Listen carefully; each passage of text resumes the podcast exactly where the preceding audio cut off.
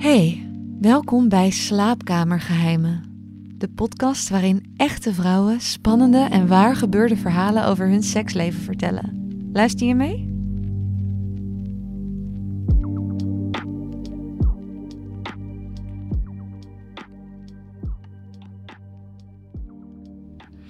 Laatst was ik jarig en dat was echt een topdag. Ik ging uit eten met een lover uit Rotterdam. Na het eten gingen we naar mijn huis, waar een van mijn vaste vriendjes langskwam met zijn nieuwe vriendin. Ze begonnen op een gegeven moment te seksen, maar wij waren moe en gingen naar bed. Toen ik de volgende ochtend wakker werd, lagen allebei de vriendjes in mijn bed en hebben we met z'n drieën heerlijk gevreden. Later, toen ik broodjes stond te maken, vreden zij nog een keer met elkaar. Zo mooi om te zien vond ik dat. Ik ben niet zo van de platte seks. Maar als je ziet dat twee mensen elkaar echt lief hebben, kan seks zo mooi zijn om naar te kijken. Ik ben anarchistisch als het om relaties gaat. Ik ben van niemand en niemand is van mij. Ik geloof niet dat één iemand belangrijker is of waardevoller is dan een ander. Je hebt met iedereen weer een andere verbinding. Dat maakt het leven juist zo rijk. Ik heb veel vriendjes en vriendinnetjes waar ik regelmatig mee afspreek.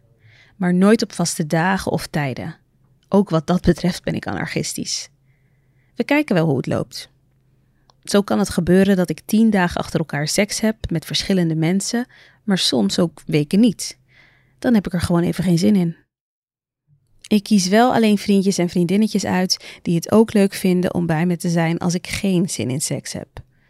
Mijn vaste vriendje heeft vorig jaar bijvoorbeeld drie maanden bij me op de bank gezeten zonder dat er iets gebeurde. Alleen kletsen en samen eten. Ik was zo aangedaan door het overlijden van twee goede vrienden en de nodige andere stress dat ik het gewoon even niet kon opbrengen. Ik heb in die periode ook niet gewerkt. Sinds een aantal jaar geef ik massages. Maar als ik zo slecht in mijn vel zit, heb ik geen energie te geven. Gelukkig begrepen mijn cliënten het allemaal en kwamen ze na die periode van rust weer bij me terug. Ik heb een heel fijne vaste groep mannen en vrouwen die regelmatig door mij gemasseerd worden. Daarnaast heb ik nog een kleine groep mensen waarbij de massage kan uitlopen op een happy end. Dat kan met aftrekken zijn of met vingeren en soms is er een penetratie. Afhankelijk van hoe we ons allebei voelen. Ik heb ook cliënten die het fijn vinden om mij te bevredigen. Zo kan het dus voorkomen dat ik betaald word voor een heerlijk orgasme. Niet slecht, toch? Ik doe het eens per week, het erotisch masseren. Je kunt er best veel geld mee verdienen als je het elke dag zou doen. Maar dat wil ik niet. Dan begint mijn mooie vak als masseur meer op prostitutie te lijken. Seks en werk moet je niet te veel mengen met elkaar, vind ik. Ik wil mijn cliënten zelf kunnen kiezen. Het zijn ook echt leuke mensen, met wie ik soms wel eens naar een club of een feestje ga. Mijn klusjesman masseer ik ook, net als mijn kapster. En zo helpen we elkaar zonder dat er financieel iets tegenover hoeft te staan. Ruilhandel. Het zijn mensen die ik leuk vind en met wie ik goede gesprekken heb. Bij sommige mannen doe ik prostaatmassages en vrouwen krijgen soms een yoni-massage. Daarbij komt ontzettend veel emotie en gevoel vrij. Dat kun je niet zomaar met iedereen delen.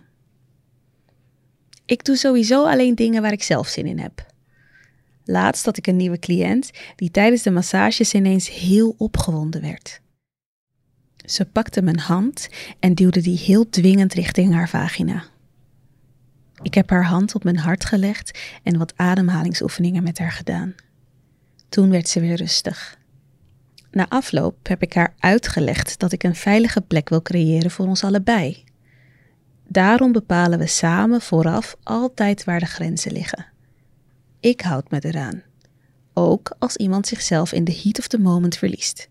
Veiligheid staat voorop. Ik vind het fijn hoe moeiteloos en vanzelfsprekend het gaat in mijn seksleven. Het is zo'n rijk bestaan, met vriendinnen waar ik mee naar de sauna of het museum ga, vriendjes waar ik mee ga eten. Soms heb ik uren seks met iemand en voelt het allemaal heel tantrisch. En een andere keer krijg ik iemand op bezoek die ik met een zweepje in mijn hand sta op te wachten. Ieder mens brengt een andere energie in me naar boven. Dat voelt voor mij als enorme rijkdom. Bedankt voor het luisteren. Voor meer verhalen ga je naar libelle.nl/slash slaapkamergeheimen. Heb je zelf een spannend verhaal dat je anoniem wilt delen? Stuur dan een mailtje naar redactie.libelle.nl.